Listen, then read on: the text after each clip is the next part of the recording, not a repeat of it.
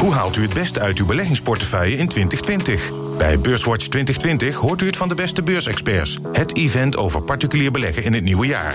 Vol breakout sessies, live radio, analyses en adviezen.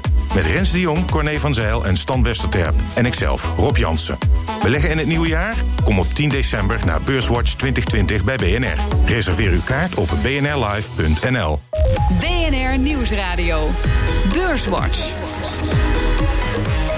Rob Jansen. Welkom bij Beurswatch, het beleggingsprogramma op de Nederlandse radio... met Corné van Zijl van Actiam en Olaf van den Heuvel van Egon Asset, Management, Egon Asset Management, moet ik zeggen. Welkom. Um, ja, AX uh, bijna de hele week in het rood gesloten. Per saldo over de hele week gezien valt de daling wel heel erg mee. Um, over een week of twee wordt waarschijnlijk een deal gesloten... tussen de VS en China, een handelsdeal. Uh, wat denken jullie, blijft het kwakkelen in aanloop daar naartoe? Of komt er nog een spurt? Corné, wat denk jij? Nou, die handelsovereenkomst is in ieder geval een eerste stap. En het belangrijkste is, en er staat niet zoveel in, maar het belangrijkste is dat het zorgt voor geen verdere escalatie. En daar was iedereen bang voor. Dus die verdere escalatie, dat was een risico. Dat risico kan doorgestreept worden. Brexit was een groot risico. Hard Brexit was een risico. Kan ook zo goed als doorgestreept worden. Ergo, er zijn een paar risico's minder geworden. Hmm. Zie jij het ook zo positief, Olaf? Ik, ik vind het een hele optimistische wereldvisie, eerlijk gezegd. Want uh, Brexit als thema, daar lijken we inderdaad wel wat dichter te zitten bij een, een, betere oplossing. Maar ik denk dat met name die handelsspanningen en, en allerlei andere conflicten die we overal op de wereld zien, dat dat hoort bij deze tijd, waarin we ons moeten gaan aanpassen aan een lagere structurele groei. En de ene haard zal af en toe een beetje uitdoven, maar de volgende komt wel weer aan. Dus ik, ik vermoed dat het heel rumoerig gaat blijven. Het was de week waarin Twitter besloot te stoppen met politieke advertenties. Facebook geeft ze ongecensureerd door, zegt Sheryl Sandberg van Facebook. We're not doing it because of the money. This is less than 1% of our revenue, and the revenue is not worth the controversy. We believe in free expression, we believe in political speech, and ads can be an important part of that. Where we're really focused, and I think we are leading, is on transparency. En ING-topman Ralf Hamers zag de inkomsten van zijn bank stijgen, ondanks de lage rente. Als we kijken over de, de inkomstenkant, dan zien we eigenlijk dat die lage rente zeker druk oplevert. Maar we zien ook dat we in staat zijn om die druk op de een of andere manier te compenseren. Door goed te blijven groeien, nieuwe klanten te krijgen en daarmee ook meer zaken te doen. Dus dat helpt enorm. En Donald Trump trapte de week af met een optimistisch geluid over de handelsbesprekingen. We'll call it phase one, but it's a very big portion. That would take care of the farmers, it would take care of some of the other things. It'll also take care of a lot of the banking needs. So we're about, I would say, a little bit ahead of schedule, maybe a lot ahead of schedule. Ahead of schedule. Ik zie jou meewarig knikken, Olaf. Je moet het toch zien. Ja, ik, ik, dacht eigenlijk dat dit de quote was waarin hij het heeft over een love fest met uh, de Chinezen. Dus ik zat erop te wachten. Ja, hij, hij, weet het in ieder geval heel goed en positief te brengen. Ja. Uh, mind you, uh, er zijn natuurlijk ook best wel wat goede dingen bereikt door Trump. Ik bedoel, heel veel bijzondere dingen, ja. om, om het zo maar uit te drukken. Maar een paar dingen zijn ook goed en, en, de wereld is aan het veranderen. en we zijn het er allemaal, denk ik, eens dat, dat die handelsrelatie wat wat beter kon, wat evenwichtiger kon met, met China. Uh, maar goed, zijn manier van het bereiken is, is wat ja, interessant. interessant. Uh, Corné, het is inderdaad interessant, want hij is onberekenbaar. Um, aan de andere kant is ook, volgens mij ongeveer een jaar geleden, was het China die zelf op het laatste moment allerlei voorwaarden aanpaste. En toen, kwam het, toen, toen raakte die onderhandelingen weer in slop. Um, China is mis, misschien wel net zo'n onbetrouwbare factor. Ja, nou ja, uh, zoals je, um, hoe heet het? Wie de, uh, Wie de, bal, de bal kaatst, kan, kan ook terugverwachten. Ja. Uh, en ik denk dat dat ook voor China is. Als er één onberekenbaar is, dan is het natuurlijk Trump zelf al geweest. En ja, China kan dat spelletje ook spelen. En dat doen ze goed. En dat hebben we de afgelopen tijd ook gezien. Um, nogmaals, ik, ja, ik denk dat het in ieder geval eventjes de zorgen voor verdere escalatie wegneemt. En, en dat is het pluspunt. Uh. Maar als je, als, stel, die deal, een deel van het akkoord is dat, deel 1 geloof ik. Kunnen we dan ook een beetje al verwachten dat die uh, economie weer gaat aantrekken, doordat die zorg wegneemt? Wat denk je, Olaf? Kunnen we daar ja. meteen effect van gaan zien? Ja, kijk, wat, ik zo aardig vond, en dat is, is niet eens uh, heel nadrukkelijk met, met, met de relatie tussen China en Amerika, maar we hebben het al jaren over een brexit, de afgelopen drie, vier jaar. En je zag daar niks concreets van komen. En toch, als je kijkt naar de Europese economie, we weten allemaal, het draait wat moeilijker. Als je goed kijkt naar de Duitse cijfers, dan zijn het alleen maar de Duitse exporten naar het Verenigd Koninkrijk. Hm. Duitse exporten naar China, Amerika, Frankrijk zijn allemaal hartstikke stabiel of nog steeds aan het groeien. Alleen naar UK zijn ze aan het instorten. En dan met name nog de car uh, sales. Dus het, en er is nog geen brexit. Weet je, die relatie is er gewoon nog zoals het is. Dus het gaat echt over de verwachting. En anticiperen. En daar gaan mensen mee in mee. En dat, dat gebeurt zeker ook in Amerika. Dus die, alle nieuwe contacten staan op hold als er onduidelijkheid is. En dat zie je terug in dit, in dit, in dit geval. Ja, jij verwacht ook van een speurt, nee. Nou, een speurt in. Ik, het is wel zo, wat die onzekerheid uh, veroorzaakt heeft, is wel een heleboel uh, terughoudendheid. En op het moment dat de ene ondernemer terughoudend wordt, is dat weer uh, omzet die gemist wordt bij een andere ondernemer. En zo kom je in een neerwaartse spiraal terecht. En dat is denk ik wel het grote risico. En je ziet dat aan alle economische indicatoren die nou op zijn best lijken die nu enigszins te stabiliseren. Maar daar blijft het ook wel bij. Uh, en ja, al die onzekerheid over de handelsoorlog, over Brexit, over Hongkong. Uh, dat zorgt er allemaal voor dat iedereen eventjes gewoon terughoudend is. En, en dat zorgt voor de economische uh, terugval. Ja, uh, terugval, vooral in de industrie. Um, maar, uh, sprekend over economische groei, er zijn wat cijfers gekomen deze week. België, Frankrijk, Oostenrijk. Allemaal niet spectaculair, maar wel beter dan verwacht. Geen recessie. Zijn die recessieverhalen, kunnen we die voorlopig wel in de kast stoppen? Uh, Olaf, wat denk je? Uh, nee, dat denk ik niet. Kijk, sowieso als je naar een. Uh, we zitten in een omgeving van structureel lage groei. Gewoon omdat de beroepsbevolking overal aan het krimpen is. Dus het is veel normaler dan het in het verleden was dat je af en toe een groei hebt. Wat we dan een technische recessie noemen. Hè, die twee kwartaal achter elkaar onder nul is. Dat gaat veel vaker voorkomen. Is het heel erg? Nee, het is niet heel erg. En, en dat zie je nu dus ook. Uh, Duitsland zit er dan wel heel dichtbij, maar net niet. En nou, zo zul je meer landen zien. Het is niet heel erg. Ik denk dat het nu wel wat beter is, omdat centrale banken toch wel adequaat aan het, aan het ingrijpen zijn.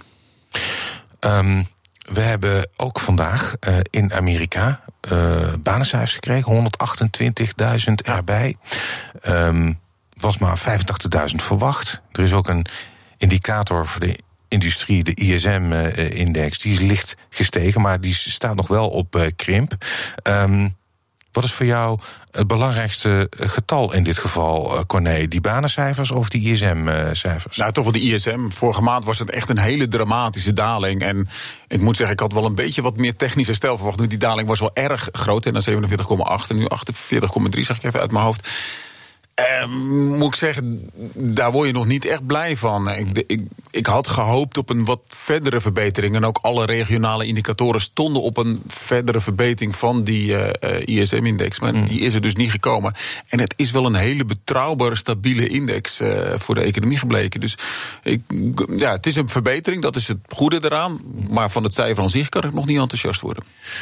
Um, ja, aan de andere kant, als je kijkt naar de groeicijfers hè, van het BBP, Amerika. 1,9 als ik het wel heb, dat. Nou, Hartstikke dat gaat dus mooi, ja, beter dan verwacht. Hartstikke stabiel. En ook als je kijkt naar, naar die leading indicator, hè, die ISM. Die kan in zijn zak steken. Dan, als je kijkt naar de componenten die daarin zitten en die naar voren kijken, exportorders, nieuwe orders, die zagen er allemaal hartstikke goed uit eigenlijk. Dus de, de, de groeicomponenten doen het goed, laten, laten kracht zien. Ik ben het helemaal met Corné eens. Uh, die, die arbeidsmarktcijfers in Amerika, die, die, kunnen nog tot zes jaar terug kunnen ze aangepast worden. En die zijn totaal niet betrouwbaar. Ja. Daar kijken we heel veel naar. Dat is leuk, maar dat zegt heel weinig. Uh, maar ja, het, het, lijkt inderdaad heel stabiel. Het, het gaat gewoon hartstikke goed. Uh, wat uh, betekenen deze cijfers? Hè? Er is nu een rentebesluit geweest deze week. Uh, renteverlaging. was nog niet goed volgens Trump. Want volgens Trump begrijpt Paul er helemaal niks van. Dat is een van de makkelijkste voorspellingen om te, te voorspellen wat Trump gaat tweeten. Ja, dat, dat Paul het niet goed doet. Maar goed, als je kijkt naar deze cijfers, wat denk je dat dit voor maar waar even vooruit kijkt naar het volgende uh, besluit. Voorlopig, uh, er is eigenlijk geen reden om hem verder te verlagen misschien, of toch wel? Nou ja, kijk, als de, de beurs op een record staat, als de werkloosheid op een 50 jaar dieptepunt staat. Um, ja, dan heb je eigenlijk hè, een, economische groei van 1,9% heb je eigenlijk geen reden om die rente te verlagen. Uh, ik zie dat, ze de, dat er risico's zijn en die hebben we net al besproken. Uh, maar het lijkt mij ook van dat je niet verder moet uh, verlagen. En dat zullen ze ook niet doen. Tenzij de cijfers in de tussentijd, data dependent zoals ze dat zo mooi noemen. Tenzij de cijfers anders wijzen in de tussentijd. Maar daar wordt ook niet van uitgegaan. Zit je op dezelfde lijn, Olaf? Ja, en dat is denk ik onze hele brave Nederlandse inborst. Kijk, je kunt het ook omdraaien. Je kunt ook zeggen van uh, inflatie is de maatstaf waar we naar kijken. Als inflatie te hoog komt, dan is er te veel. En daar zitten we nog niet. Dus misschien moeten we wel gewoon doorgaan tot die inflatie begint op te lopen. En dat is een hele bijzondere aanname, denk ik. Want ja, wat is precies dat inflatiecijfer? Dat is misschien wel heel anders dan het vroeger was. Er zit een hele grote huizencomponent in. Is dat dan wel realistisch? Dus er zijn allemaal mitsen en maren. Maar als je puur kijkt naar de maatstaf, zeker ook in Europa die we met elkaar hebben afgesproken. Ja, misschien moeten we dan nog wel veel meer doen. Uh, en is de berg met geld, de, de, overbesparing die we met z'n allen hebben gecreëerd, is nog steeds veel en veel te groot. En eigenlijk moet de prijs van geld verder naar beneden. Zometeen dan praten we verder over beurs en economie, onder andere over de cijfers van Shell en Facebook. BNR Nieuwsradio. BNR Beurswatch. We bespreken de belangrijkste beursontwikkelingen van deze week. En dat doe ik met Corné van Zijl van Actiam en Olaf van den Heuvel van Egon Asset Management. Eerst maken we even de balans op van de afgelopen week. De AEX die sloot op 580,8 punten. Dat is een half procent lager dan vorige week. Stijgers. Op 1 Galapagos met een plus van 13,5 procent. Op 2 Vopak met een plusje van 1,5 procent. En ASML steeg deze week 0,8 procent. En het midcap aandeel dat het best presteerde deze week was ASMI met een plus van 9,2 procent. Dalers. Dalers. Dalers. Op 1. KPN met een min van 4,9 procent. Op 2 Unibail Rodamco Westfield, uh, vastgoedfonds verloor 2,6 procent. En op 3 Shell met een min van 2,4 procent. En in de midcap was de grootste daler deze week AMG met een min van 6,9 procent. En de AEX is deze week vier van de vijf handelsdagen lager gesloten. Ja, we gaan naar het uh, bedrijfsnieuws en dan wil ik aftrappen met ING. Um, we hoorden topman Hamers al. Lage rente, van de, uh, lage rente raakt de bank nog niet. Begrepen dat er ook vooral op uh, hypotheken goed werd verdiend. Corné, tevreden over deze resultaten van ING? Ja, je weet dat met deze lage rente er eh, gewoon rentedruk is op de marges. Uh, en dat, dat, dat zal een continue factor blijven. Toezichtkosten blijven natuurlijk, uh, zo, ja, ik zou bijna zeggen, uit de klauwen lopen. En het, ja, het vervelende is, daar zie je altijd een, vooral een piek in het vierde kwartaal. Dus dat moet nog gaan komen. Maar gezien alle tegenwind, denk ik dat het hele nette cijfers zijn geweest. Ja, Olaf, de, de rente inkomsten die stegen nog een beetje zelfs. Uh, ze konden dus blijkbaar de pijn. Uh, ja, de renteinkomsten zijn licht gestegen volgens mij. De rentemarge moet ik zeggen. Nieuwe klanten, ja. Ja, nieuwe klanten. Maar als nou de um, rente blijft dalen, dan moet op een gegeven moment de particulier ook gaan betalen. Gaan we daar naartoe?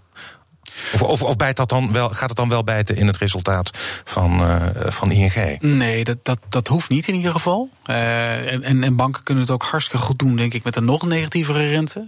Wat natuurlijk wel heeft geholpen de afgelopen tijd, is dat de ECB heeft gezegd van nou, we gaan toch maar goed kijken naar hoe we het rentebeleid insteken. En proberen die banken wat, wat, wat te helpen daar. Uh, dat is goed. Kijk, onderliggend uh, zie je dat uh, de economie goed draait. Zie je dat er allerlei extra investeringsprogramma's aankomen. Ja, dat gaat ze denk ik wel helpen als, als oliemannetje voor het mm. financiële verkeer. Mm. En als je dan een oordeel moet geven over het aandeel, Corné? Ik heb ze privé. Dus laat ik dat alvast even van voorop stellen. Ja, ja. 7 uh, procent plus dividendrendement, 7,5 keer koer, de koers-winstverhouding. Nou, dat zijn cijfers waarvan ik denk, ja, mocht de rente een keertje stijgen, dan wordt het leuk. Uh, en zo, zo niet. Ik zie de rente eigenlijk niet zoveel meer verder dalen. Maar ik denk dat de rente een hele belangrijke factor is in de performance van het aandeel. Hmm ander bedrijf dat uh, belangrijke uh, grondstof ziet dalen, Shell, olieprijs uh, ging naar beneden. En ook een dividendtopper, mag je toch zeggen. Ja. Um, maar goed, de winst van het bedrijf afgelopen kwartaal 15% gedaald. Inkoop. aandelen inkoopprogramma wordt misschien niet afgerond. Um, wat beleg schrokken ervan? wat vond jij van de cijfers, Corné? Nou, de cijfers waren op zich prachtig. Uh, er was een consensus uh, winst van 3,6 miljard en er werd 4,8 miljard gehaald. Uh, maar daar kijken niet veel beleggers naar. door die lage olieprijs, wat je ziet. Kijk, wat ze enerzijds willen doen, is de, de, leverage, de, de, de, schuldenratio's terugbrengen. En die is juist gestegen naar 27,9. En dat willen ze naar 25 procent. En ze willen die 25 miljard share buybacks halen. Hmm. En als die olieprijs laag gaat, komt er simpelweg minder geld binnen. En dan, ja, Ben van Beuren zegt ja, dat is leuk, maar we kunnen als er minder binnenkomt, kunnen we niet allebei doen. We kunnen niet en de schulden naar beneden brengen uh, en ze moeten natuurlijk altijd die dividend betalen en investeren. Hmm. Um, en nog eens die share buybacks. Dus dan komen die share buybacks dan uh, wel een beetje in, in, de, in de knel. Uh, en daar schrokken beleggers wel van, want die hadden daar wel een beetje op gerekend. En dat is de, denk ik de voornaamste oorzaak waarom de koers is gedaald. Mm. Maar je zegt dus goede cijfers. Um nou ja, dit is een simpele afgeleide van de olieprijs. Op het moment dat de olieprijs naar beneden gaat, dan komt er minder geld binnen. En dat is, dat is slecht. En ja, de gemiddelde olieprijs is nu 60 dollar. Vorig, vierde, vorig jaar, vierde kwartaal, was 78, 68 dollar, even uit mijn hoofd gezegd. Maar de, de grote daling was vooral in het derde kwartaal te zien. Veel beleggers zeggen, ja, Shell moet je eigenlijk eh, in je portefeuille hebben. Uh, Olaf, hoe zie jij dat?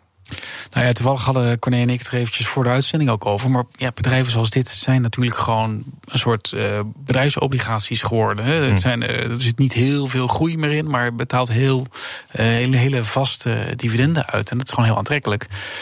ja, weet je, met het, met het dividendrendement wat je hierop krijgt en de, en de zekerheid dat je het krijgt, is het denk ik een hele zinvolle belegging. Hmm. Ik denk overigens over het algemeen dat, dat aandelen relatief aantrekkelijk geprijsd zijn in een omgeving van een hele lage rente momenteel. Hmm. Kijk eens aan. Opmerkelijk nieuws deze week ook van uh, een van de grootste bouwers uh, in Nederland. Twee jaar geleden ging Volker Wessels uh, voor de tweede keer, geloof ik, naar de beurs. Um, en ze worden nu door de familie Wessels weer teruggekocht. Althans, ze hebben een bod gedaan op de resterende ja, meer dan 30% rond de 33 procent volgens mij. Uh, voor 21,75 euro per aandeel. Corné, als jij Volker Wessels in portefeuille zou hebben, misschien heb je dat, dat weet ik niet. Zou, zou jij blij zijn met dit bod? Uh, nee, want ze gingen tegen een iets hogere koers naar de beurs toe. Ik moet wel zeggen, als er nou. Ik, als ik, ging mijn column in het Financiële Dagblad ook over. Als je gaat kijken naar zeg maar, domme beleggers en slimme beleggers. De familie Wessels hoort wel bij de slimme beleggers. Op het hm.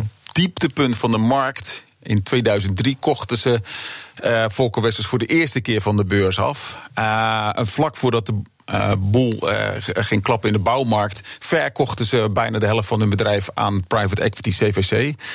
En in het diepste punt van de recessie kochten ze het weer terug. En op het houden, toen het net weer goed ging met de bouwmaatschappij, gingen ze dus die IPO doen. En nu kopen ze het weer terug. Laat ik zo zeggen, als deze track record een beetje doorzet, dan uh, vind ik het een hele slimme move van de familie Wessels. Hmm. Olaf, begin dit jaar gaf jij een tip, namelijk Peugeot. Um, en vandaag, of deze week moet ik zeggen, groot in het nieuws. Fiat Chrysler had eerst een vrijage met Renault, ging niet door. Fiat Chrysler wil nu Peugeot overnemen. Um, Peugeot is dit jaar 25% gestegen. wat dacht je toen je het las? verstandig deze fusieplannen? Ja, ik, denk dat het een beetje bittere noodzaak is voor beide. Ze hebben natuurlijk de boot redelijk gemist. Ze moeten proberen een beetje bij te trekken. Het gaat allemaal over efficiënties, het gaat allemaal over schaalvoordelen. Het is bittere noodzaak. En ik, ik, vermoed dat je nog heel wat meer gaat zien in deze sector. Heel wat meer fusies, heel wat meer consolidatie. om maar een beetje bij te trekken. Ja, ik ben het helemaal mee eens. En ze hebben ook de boot gemist qua uh, elektronische of elektrische auto's. Uh, nou, wat voor Chrysler, wat voor uh, Fiat en, en ook voor Peugeot heb je niet zoveel. Dus wat dat betreft hebben ze nog een heleboel te doen. de concurrentie is daar mijlenver op voorgelopen. En ze zullen ja, met die schaalgrootte misschien die stap bij kunnen trekken. Maar ze hebben wel een enorm gat te dichten wat dat betreft. En hetzelfde geldt voor zelfrijdende auto's. Hè? Wat natuurlijk ook de, de ontwikkeling gaat worden de komende jaren. Ja. Nog even heel kort. Facebook, uh, ook met cijfers komen. We hoorden mevrouw Sandberg al. Uh, de rechterhand van Mike, Mark Zuckerberg. Um, ehm, 29% meer omzet. 2,4 miljard mensen, geloof ik inmiddels. Cornel, ja. 8% meer dan uh, vorig jaar. Dat is, het is ongelooflijk dat je met 2,4 miljard, hè, dat is ongeveer een derde van de totale wereldbevolking, en, ja. uh, in meer zelfs, uh, en dan toch nog 8% groei laten zien. Ik vind dat ja, op zich heel mooi. en wat dat betreft is het natuurlijk een, een, ja, een prachtige droom van beleggers om, om zo'n marktpositie te hebben. Ja. en, en je ziet dat ze het ook goed doen. Maar ze worden aan wel een aantal kanten, hè, aan, aan een corporate governance worden ze toch wel uh, een beetje uh, ja, krijgen ze heel veel kritiek. de druk in Amerika wordt ook opgevoerd. En op hun businessmodel aan zich ook. en, en terecht lijkt me, en het feit dat ik mevrouw Sandberg net hoorde zeggen... ja, die politieke advertenties doen er niet zoveel toe. Het is maar 3% of zo. Ja, het is wel heel veel geld natuurlijk. Dus dat gaan ze niet zomaar laten lopen. En dat ze het niet alleen om het geld doen, dat klinkt heel onwaarschijnlijk uit haar woorden. uit haar, haar mond, bedoel ja, ja. Maar misschien, we hadden het net over Shell, hoort erin. Misschien moet je dit soort bedrijven, Facebook, hoort misschien ook wel standaard in een portefeuille, Olaf. Wat denk je? nog niet, denk ik. Kijk, het lastige is, ik kan me herinneren dat we hier een maand, drie, vier geleden het ook over hadden. Ja, toen ze ook een cijferupdate hadden. En toen zei ik al van, weet je, dat ding wat boven de markt hangt, dat, dat er serieus gekeken gaat worden van hoe gaan jullie met data om, hoe gaan jullie met privacy om. En uh, de boetes die daar gaan komen, die zullen ja, onvoortoond hoog zijn. Uh, ik denk dat nog steeds. Um, weet je, het, het, probleem is ook, ik heb zelf geen Facebook-pagina. uh, en ik dacht altijd van, nou weet je, dat is, de jongere kinderen doen dat niet meer, dus ik, ik ben mooi mijn tijd vooruit. Maar als je het zo weer hoort, 8% erbij, ja, dan ja. ja het is niet alleen Facebook. Hè. Uh, fair enough. Ja, dus, uh, vooral de groei zit in, in die andere producten. In die andere, Overigens, En wat, je had het net op vergelijking met Shell. Als je naar de waardering gaat kijken, voor Shell is natuurlijk goedkoop. Maar de waardering, als je naar de free cashflow gaat kijken, is 5,6 miljard per kwartaal. Nou, keer 4. Eh, de, de market cap is 540 miljard. Oftewel, je hebt maar 4% free cashflow yield. Dat is wel heel erg weinig. En ik moet zeggen, dat, dat lijkt me een beetje overgewaardeerd. Maar goed, okay, met, zeker met al die boetes die eraan gaan komen. Ja, nee, fair enough. Ja. Hoogste tijd, eh, want uh, we zitten er eigenlijk al uh, doorheen. Hoogste tijd voor jullie tip. Daar uh, zitten de luisteraars in spanning naar te wachten. Olaf, wat is jouw tip voor de luisteraar? Ja, kijk, als je begint met van je tip, begin van het jaar was heel goed, dan wordt het natuurlijk steeds lastiger. ja, als je, steeds je, je, hebt hem zelf hoog gelegd. Ja, dus twee weken geleden, volgens mij, zei ik Teva. Ehm, dat is voor iets wat nog steeds wel rustig doorloopt als wij nu kijken, dan uh, valt ons op dat uh, de volatiliteit op goud vrij hoog is. De volatiliteit op aandelen vrij laag is. Dus je zou uh, een soort optieconstructie kunnen opzetten. bijvoorbeeld een straddle op aandelen kopen en calls op goud verkopen. Dan ben je toch gehedged en dan hm. kun je goed profiteren van wat de markten inprijzen. Oh, Corné? Ja, mijn tip zit in ja, het vervolg eigenlijk van uh, Volker Wessels aangezien de familie zo goed in het time is, zou ik zeggen. Als je toen toen ze de vorige keer van de bus hebben gehaald en toen in Bouwers was gestapt, had je echt een briljant rendement gemaakt. Uh, en nou, er zijn nog twee bouwers over in Nederland. Dus ik zou eens even heel goed, maar wel met een lange termijn blik, naar de Nederlandse bouwers kijken. Want het, ja, er is een hoop ellende op dit moment. Maar als je daar doorheen kijkt en dan over een paar jaar kijkt, dan uh, met dezelfde blik als met de familie Wessels, denk ik dat wel eens een goede belegging zou kunnen zijn. Hartelijk dank, Corné van Zijl van Actiam en Olaf eh, van den Heuvel van Egon Asset Management. Dit was BNR Beurswatch. Als u wilt reageren, dan kunt u een mail sturen naar beurswatch.bnr.nl of tweeten naar Rob. Terugluisteren kan via de site, de app, iTunes of Spotify. En graag tot volgende week. Hoe haalt u het beste uit uw beleggingsportefeuille in 2020? Bij Beurswatch 2020 hoort u het van de beste beursexperts. Het event over particulier beleggen in het nieuwe jaar. Vol breakout sessies, live radio, analyses en adviezen. Met Rens de Jong, Corné van Zijl en Stan Westerterp. En ikzelf, Rob Jansen. Beleggen in het nieuwe jaar? Kom op 10 december naar Beurswatch 2020 bij BNR. Reserveer uw kaart op bnrlive.nl.